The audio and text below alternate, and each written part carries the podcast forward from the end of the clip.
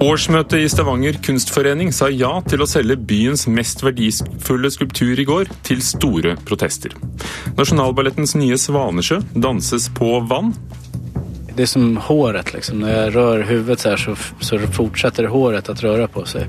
Og når jeg slår i, i vannet, så fortsetter vannet å røre på seg. Så rørelsen blir mye større, liksom. Vi møter koreograf Alexander Ekman. Lærere i estetiske fag mangler kompetanse, viser ny, ny rapport, og Fredagspanelet samler seg om spørsmål om teater, russ og døden. Her i Kulturnytt i Nyhetsmorgen i NRK med Ugo Fermariello i studio. Stavangers kunstmiljø er splittet. Årsmøtet i Kunstforeningen ga i går kveld grønt lys for å selge byens mest verdifulle skulptur. Dermed sendes Norges eneste statue av britiske Barbara Hepworth til London på auksjon for å redde kunsthallens økonomi. Jeg er veldig imot salg av den statuen, altså. For jeg mener det er et felles eie for byen, og det er et stort tap. Ingrid Solestvik er medlem i Stavanger kunstforening, omdøpt til Kunsthall. I går kveld kom hun til et fullstappet årsmøte for å protestere mot salget av en skulptur av britiske Barbara Hepworth. Skulpturen er ikke bare byens mest verdifulle, men også Norges eneste av denne anerkjente kunstneren. Det, det er akkurat som noe som er vårt, som er borte. Siden 1968, i 45 år, har den stått på plenen utenfor Kunstforeningen. Kjøpt for penger gitt i gave fra byens skulpturfond og byselskap. Men nå er den borte. Foreningsmedlem Rein Øverland er også opprørt. Jeg er ikke meg, egentlig. Så det de har gjort, det er å trø over medlemmene. Øverland jobbet selv i bygningen da skulpturen ble avduket, og han forstår reaksjonene. Og vi regnet jo at det var, eh, det var eh, til byen, ikke til eh, til Kunstforeningen. Det var jo våre skattepenger som ble brukt. Onsdag før påske ble den over to meter høye bronseskulpturen brått skåret ned av auksjonshuset Kristis. Et galleri har oppfordret til boikott, og 261 personer har til nå skrevet under på et opprop mot salget. Skulpturen kan innbringe mellom 10 og 20 millioner kroner ifølge styret, og kunsthallen må ha penger til både drift og vedlikehold av den gamle bygningen, for å vise utstillinger av samtidskunst. Og det er viktigst, mente Eli Aga, som støttet salget. For det viktigste for meg er at uh, den unge kunsten får leve. Styret må enten selge skulpturen eller nedlegge kunsthallen. Ordstyrer Kristen Minos stilte årsmøtet overfor et ultimatum. Selv om det egentlig var oppført som en orienteringssak, ble det åpnet for avstemning om salget pga. de sterke følelsene i saken. Derfor er det to enkle alternativer. For eller imot. Dette fikk Kunstforeningens medlem Ole Bjørn Rongen til å reagere. Akkurat nå føler jeg at dere har ført oss eh, medlemmer bak lyset. Flere kritikere dro fram at det må finnes andre alternativer, og blant dem er Marit Ånestad. Det hører ingen plass hjemme å fjerne skulpturen fra byen og fra Norge. De burde funnet seg et lokale som er mer egnet, billigere å drifte. Ikke ødelegge hele økonomien, og kanskje også være mer publikumsretta. Men da det kom til avstemning, fikk styret grønt lys for salget. De som går mot salget, avgir stemmetegn. 15 stemte mot, 41 stemte for. Dermed blir skulpturen, som nå blir tatt hånd om av Christies, solgt på auksjon i London i juni. Vi har sikra at vi kan ta vare på bygget, og vi har sikra at det er en forutsigbarhet for de ansatte. Vi har sikra at vi kan kjøre i gang et program. Dette er en stor dag for kunsten i Stavanger. Sier styreleder Eirik Mo i Kunsthallen, som ikke vil kommentere om det er satt noen minstepris i kontrakten. Denne foreningen har jobba i mange år med å prøve å finne løsninger for å sikre økonomien. Og vi har ikke funnet, vi har ikke funnet noen. Nå vet vi jo ikke hva denne auksjonen vil eh, gi av resultat, men vi har, vi har tro på at vi vil få et godt beløp. Og reporter i Stavanger, Anette Johansen Espeland.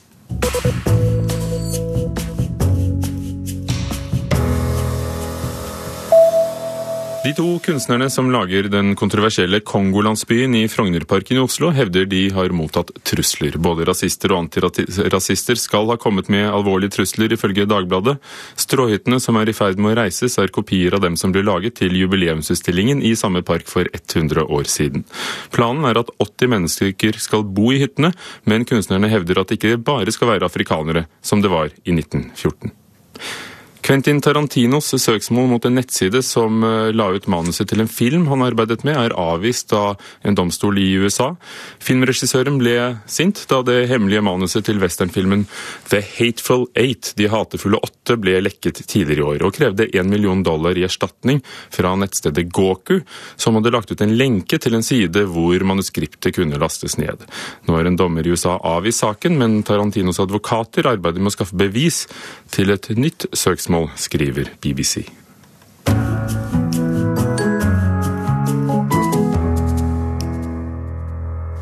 Kulturministeren er bekymret over at lærerne i estetiske fag ikke kan sitt fag. En ny rapport viser at kompetansen mangler, og foreslår ti tiltak for å forbedre undervisningen i kunst og kultur i grunnskolen.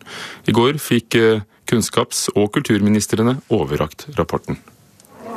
Det er jo urovekkende, for det er jo veldig viktig at man har et høyt nivå eh, kvalitativt eh, til både kulturformidlerne, kunstformidlerne og, eh, og lærerne i, i, skolen. Sånn at barn eh, får et godt tilbud. Det sa kulturminister Toril Vidvei da regjeringen i går mottok rapporten med ti konkrete tiltak for hvordan man skal forbedre opplæringen i kunst og kultur i skolen. Ekspertutvalget som har skrevet rapporten, kaller nemlig andelen fagkompetente lærere i estetiske fag alarmerende lav. Dette bekymrer også kunnskapsminister Torbjørn Røe Isaksen. Altså jeg, jeg, bruker sjelden ord som alarmerende og den type ting, men det tallene viser, det er at det er eh, litt over 30% som har det man kan kalle fordypning innenfor de estetiske fagene, og det er jo veldig lite. Så det er en veldig relevant problemstilling og en eh, veldig viktig påpekning fra utvalget.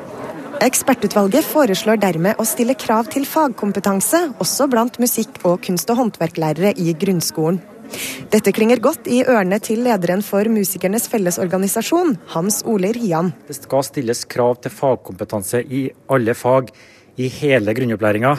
Det vil si at for oss da, at de som underviser i kunst og håndverk og underviser i musikk, de må ha studiepoeng i de fagene når de skal undervise i grunnskolen, helt fra første klasse.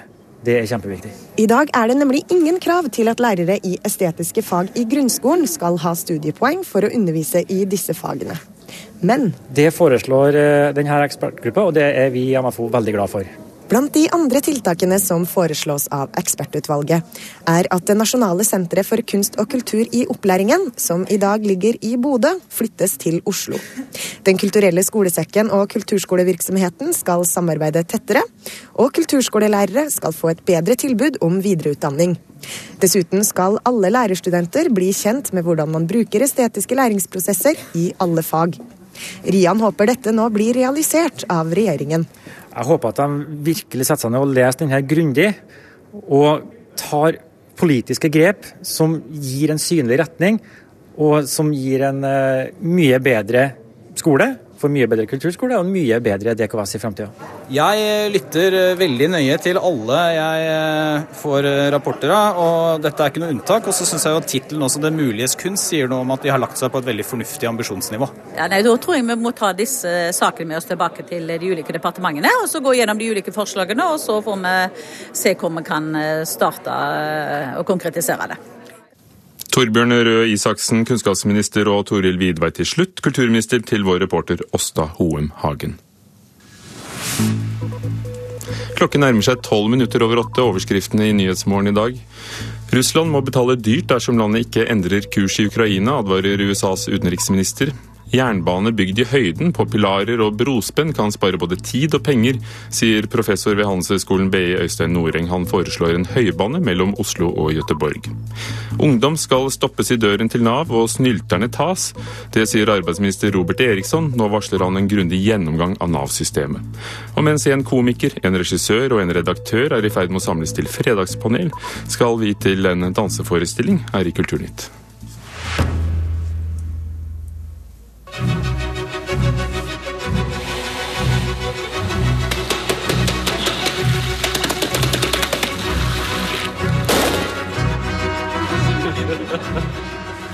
Den nye utgaven av Svanesjøen danses på en sjø, faktisk et vannbasseng, på scenen i Operaen i Oslo.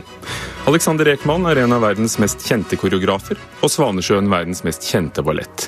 Nå har Ekman laget den på nytt til Nasjonalballetten med ny musikk av Michael Carlsson og kostymer av danske designeren Henrik Wibskov. Og vannet gjør noe med dansen, sier Alexander Ekman, som vi traff inne i operaen. Ja, alltså man kan ju slida mycket mer. Så man kan springa och så stannar man och så fortsätter man åka. Så alla rörelser får liksom ett slags eftersvall i sig. Det är som håret liksom. När jag rör huvudet så här så, så fortsätter håret att röra på sig. Och när jag slår i, i vattnet så fortsätter vattnet att röra på sig. Så rörelsen blir mycket större liksom. Så det blir, det, ja, koreografin blir större, stegen blir större i slutändan. Hvorfor tar du fatt på den kanskje aller mest kjente balletten? Ja, noen ganger skal man vel gjøre den som koreograf. Nei. uh, nei, men det er lustig, for jeg begynte med, vattnet kom først, faktisk. Jeg gikk inn her i salongen och, och eh, tänkte jag så här, ja, vad skulle vara fint här inne i den här salongen? Och det är så mycket trä här i den här salongen. Och då tänkte jag att vatten till det här träet skulle bli väldigt vackert. Eh, tänkte jag, okej, okay, jag vill göra min vattenföreställning eller min, min vatten, ett vattenstycke. Och sen efter det så började jag tänka, jaha, vad ska, vad ska det här vattnet handla om? Eller liksom vad, vad finns det för stories med en sjö? Och så kom jag på, ah okej, okay, Svansjön typ liksom. Så, så det var den vägen det tog. Men sen nu, är det ju inte riktigt, den här versionen, det är nästan en, en Svansjö om Svansjön.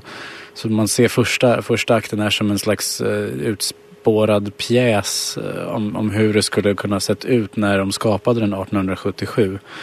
Och sen i akt 2, 137 år senare idag. Och sen akt 3 är en överraskning. Så. Er det noe vi vil kjenne igjen fra den gamle Svanesjøen? Jeg har med den svarte og den vita svanen. Så har jeg tagit ut liksom, hva det egentlig handler om. Og, ja, det er vel liksom det gode og det i oss har jeg tolket det som. Då, liksom. Så det handler om det og sen samtidig Svansjøen og tiden. Liksom, hva hender om 425 år? Kommer de fortfarande gjøre Svansjøen da? Og hvordan ser den versjonen ut i så fall? Tror du Michael Carlssons musikk vil bli like kjent som Tsjajkovskijs? Ja, det tror jeg virkelig.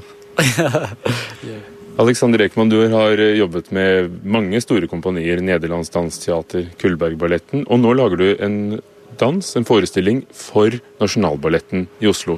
Hvor mye lager du den sammen med de danserne du har for hånden?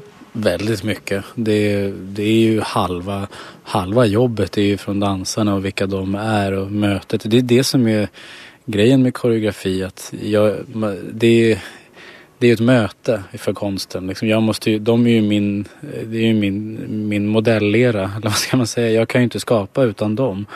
Framförallt för det, alltså det, det som är unikt för det här hela projektet är ju att vi kan göra det här med det här vattnet. Liksom, det är ju ingen annan plats, en danskompani just nu som skulle kunna göra det tror jag.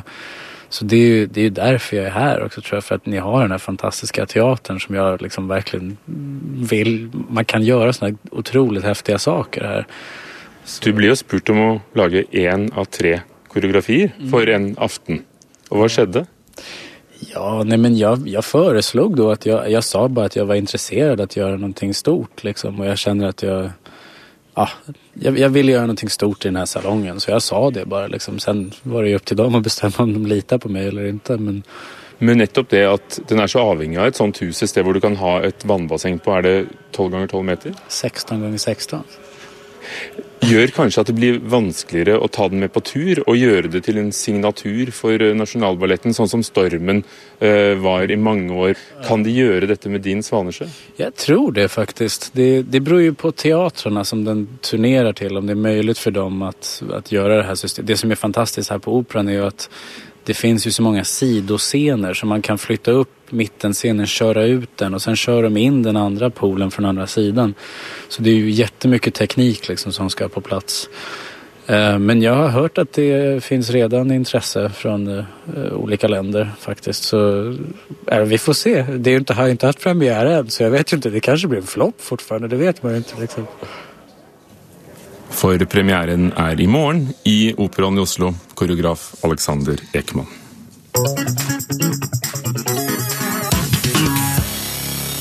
Fredagspanelet er samlet i Kulturnytt, og vi begynner med å si hei til komiker Sigrid Bonde Tusvik, som sitter i et bøttekott i Bergen. Hei, hei. Kjersti Horn, regissør, velkommen. Hei. Nina Kristiansen, redaktør av forskning.no. Hei. Denne uken ble det klart at en renovering av Nationaltheatret i Oslo kan koste nærmere 5 milliarder kroner. Det viser, etter det NRK erfarer, en rapport med forskjellige alternativer for hvordan teatret kan pusses opp og utvides. Spørsmålet er 5 milliarder kroner. Er det verdt pengene? Og vi begynner med den som har aller mest med teater å gjøre, regissør Kjersti Horn. Eh, ja. Ja. Sigrid Bonde Tusvik. Ja. Eh, Du som driver med, med teater og, og forestilling på andre scener, vil du virkelig bruke så mye penger på Nationaltheatret, og hvorfor? Spør du meg? Ja, jeg gjorde det, skjønner du. Ja, altså eh, jeg vil, jeg vil bruke fem milliarder, for jeg er enig i at det er en bra debatt og at vi diskuterer hva pengene skal benyttes til, men jeg har aldri skjønt hvorfor man diskuterer at man ikke skal renovere fine, flotte bygg og gjøre byggene både interessante og moderne.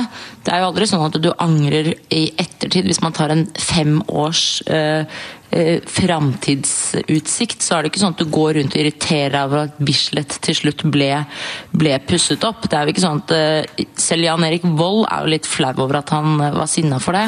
Så det, jeg har aldri skjønt hvorfor man, eh, hvorfor man ikke liker å sette kulturbygg i stand, og når man da har allerede vært eh, elendig på å holde bygget i stand fra brannen på 1980-tallet, så er det den straffen vi skal ta nå. Og når- til og med Frp er eh, for dette, så mener jeg at her er det bare å gønne på. Ja, jeg tenker at det er eh, Altså, Det er jo et demokratispørsmål, på en måte. Jeg tror man ikke tenker på hva teater er, for teater er faktisk en levende diskusjon. Det er et sted hvor man hele tiden eh, holder på og elter hvordan vi skal leve sammen, hvordan samfunnet vårt skal se ut, de store eksistensielle spørsmålene og samfunnsspørsmålene.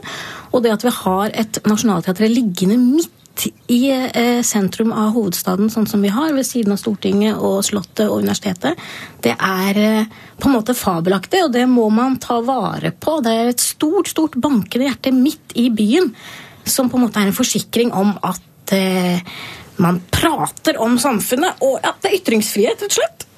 Man prater, men lytter folk? Ja, det tror jeg faktisk. Og det er veldig veldig mange som er på teatret. Når jeg eh, jobber der, så prøver jeg i hvert fall å, å passe på at det er en diskusjon med publikum hele veien.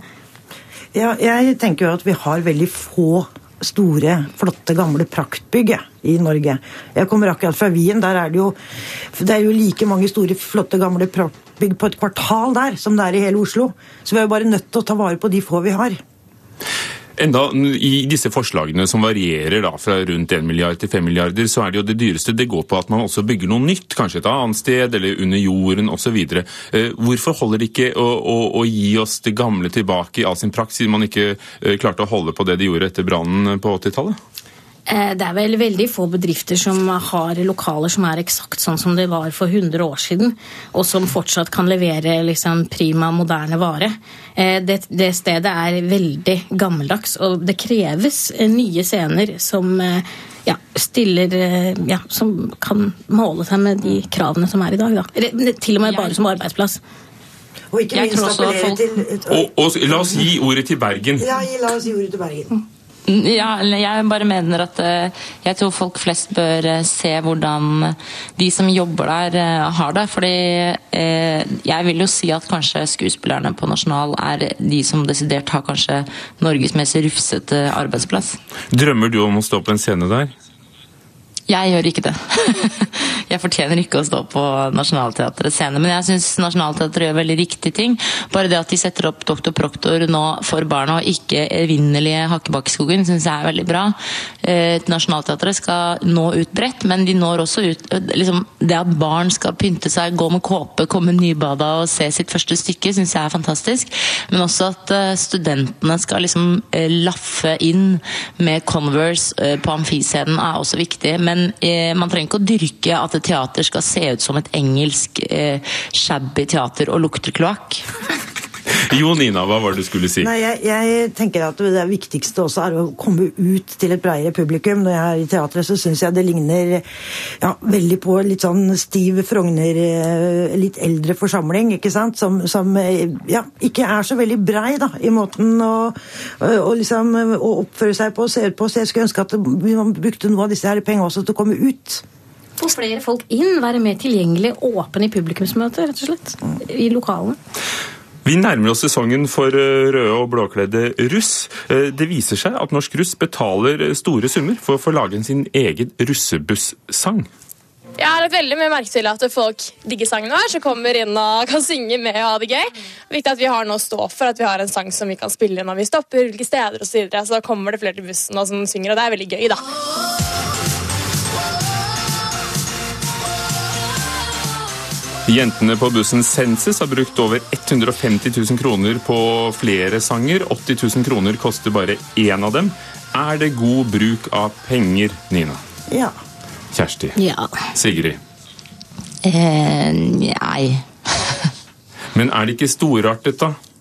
Sigrid? Det er ikke storartet. Jeg syns det er trist i disse tider der alle 18-åringer er utstyrt med hver sin Mac, til og med en app kan du lage en like bra låt som den låta vi hørte. Så at de jentene og slash guttene som ikke setter seg inn i å kunne lage sin egen translåt, det klarer faktisk en fireåring å gjøre i dagens samfunn. Så det er bare eh, å tulle bort penger. Men at man diskuterer at russen tuller bort penger, det syns jeg er et sånt evinnelig irritasjonsmoment eh, hver eneste mai. For det har jo irritert folk helt siden altså det er Kanskje bortsett fra låta, det er Norge i rødt, hvitt og blått så har eh, russen irritert folk eh, i generasjoner. Ja, jeg har jo sjekka russeforskninga, da. Og den eh, er veldig positiv til russefeiringa. Både som et sånt overgangsrite for ungdommen fra, til, til, voksenlivet, men også fordi at den byr på så mye sånn positive ting da, som vi i alle andre sammenhenger etterlyser. Dugnad, f.eks. Vi, vi, klager på at dugnadsånden forsvinner, men russen de er jo liksom de flinkeste dugnadsdeltakerne. For veldig mye av denne musikken er jo finansiert ved hjelp av dugnader. Bussene er finansiert ved hjelp av dugnader. Festene er et kjempestort kollektivt løft. Så jeg syns det er flott, det. Og at de nå i tillegg da bidrar til støtte til fattige musikere og låtskrivere. Det må jo være helt flott, da. Et løft, Kjersti. Ja, flott. Kjempegøy å ha sin egen låt. Jeg har lyst på en sånn låt sjøl. Ja. Og kan ta opp et forbrukslån og lage en egen låt, kanskje. Um, men det er jo veldig lett, da, som Sigrid sier. Så det er jo veldig mye penger å tjene her, tenker jeg også. Mm. Hvis man begynner å lage sånne sjøl. Mm. Men det blir, det blir, en sånn veldig fokus på at fordi de er så fulle Og fylleforskninga sier jo at det, det, er ikke bra. Altså Ungdom bør ikke drikke så mye som det russen gjør. Men bortsett fra det, så driver russen med veldig mye flotte greier. altså. Nok russ for nå, eh, fordi vi skal snakke om døden. For det er blitt et tema i populærkulturen. Det hørte vi i en reportasje her i Kulturnytt i går. Utstillinger, artikler og ikke minst på sosiale medier. Men sosialmedisiner, den kjente professoren Per Fugelli, sa i Kulturnytt i går følgende. Kjendiser som farter rundt med en tom kiste, og kjendiser som snakker om det siste måltid. Så døden fortjener bedre enn å bli laget uh, populærunderholdning av. Egner døden seg som underholdning, Sigrid? Eh, ja, det, det, viser seg at det gjør det. eh, ja. Nei. Ja. Ok, eh, Hvorfor egner det seg som det? Er det ikke for alvorlig? Altså, Døden er jo en stor del av kultur eh, og eh, underholdning i dag. Altså, vi er jo akkurat ferdig med påsken, vi har jo sittet og lest krim alle sammen. Hvor vi eh, boltrer oss i litteratur og TV-serier og filmer der folk dør hele tida. Det at folk dør, det skaper spenning i nesten alle, alle kulturuttrykk. da. Så hvorfor, hvorfor, Det er jo ikke noe nytt. Altså, jeg tror Per Fugelli har glemt på en måte hvor integrert døden faktisk allerede er i måten vi underholder oss på. Sigrid? Intet er for alvorlig til å spøkes med. Nei, eh, absolutt ikke. Og døden, selv om eh, Per Fugli sier veldig fine ting, at eh, døden er det eneste sikre i livet, og om man bør snakke med, om døden på en alvorlig måte, så er det vel nettopp det folk gjør. De snakker ikke om døden på en uh, tøysete og flåsete måte, i hvert fall. Det at man lager TV-program av, av, døden, at Thomas Seltzer skal fortelle oss hvordan han har lyst til å begraves, det ser jeg ikke på som noe negativt. Kjersti? Nei, jeg vet ikke, jeg jobber jo med teater, det er jo døden, døden hele tida, så jeg burde ikke si noe, men eh, jeg tenkte kanskje, jeg, jeg tenkte kanskje at det er litt som For nå, du, du sa noe sånn, eh, det er det siste tabuet. Eh, og så tenkte jeg at det stemmer vel ikke. det er jo Samfunnet vårt er jo stappfullt av tabuer. Jeg tenkte at det kanskje var litt sånn som med sex. At det er sex overalt, sex, sex, sex, men det er jo ikke noe om ekte sex og kroppsvæsker og hår, og det er jo ikke på ekte. At man liksom bare tar døden, og så tar man litt frosting på det, så gjør man det ufarlig. Forskning viser jo at døden slett ikke er et tabu. Forskningen viser at det som er de siste tabuene, da, det er å ikke ha sex. Apropos. Og det å ikke ha venner. Hmm. Hva er tabu for deg når du står på scenen, eh, Sigrid Bonde Tusvik? Eh, jeg har jo dessverre ingen tabuer som eh, da stadig vekk jeg møter i døra. Med å debattere mye som jeg sier som jeg kanskje burde ha pakket bedre inn. Men jeg har, aldri, jeg har ingen tabuer. Kjersti, har du tabuer når du lager forestillinger? Er det noe du ikke kan ta med? Jeg kommer ikke på hva, men jeg opplever at det er ekstremt mye hele, hele tiden. At man, det er det man jobber med. Å prøve og prøve og prøve. Ja, jeg er jo journalist, sånn at der finnes det jo etiske regler eh, som er en form for tabuer da, for pressen. Men eh, døden i populærkulturen, det er ikke gått for langt for dere? Nei. Takk skal dere ha til Fredagspanelet, Kjersti Horn, regissør, redaktør i Forskning gjennom Nina Christensen, og komiker Sigrid Bonde Tusvik med oss fra Bergen. I Kulturnytt i dag har vi hørt at medlemmene i Stavanger kunstforening støtter salget av byens mest verdifulle skulptur, og den blir da solgt på auksjon i London i juni. Den er laget av Barbara Hepworth. Hans Ole Hummelvold var teknisk ansvarlig, Halvor Haugen produsent, Hugo Fermariello programleder.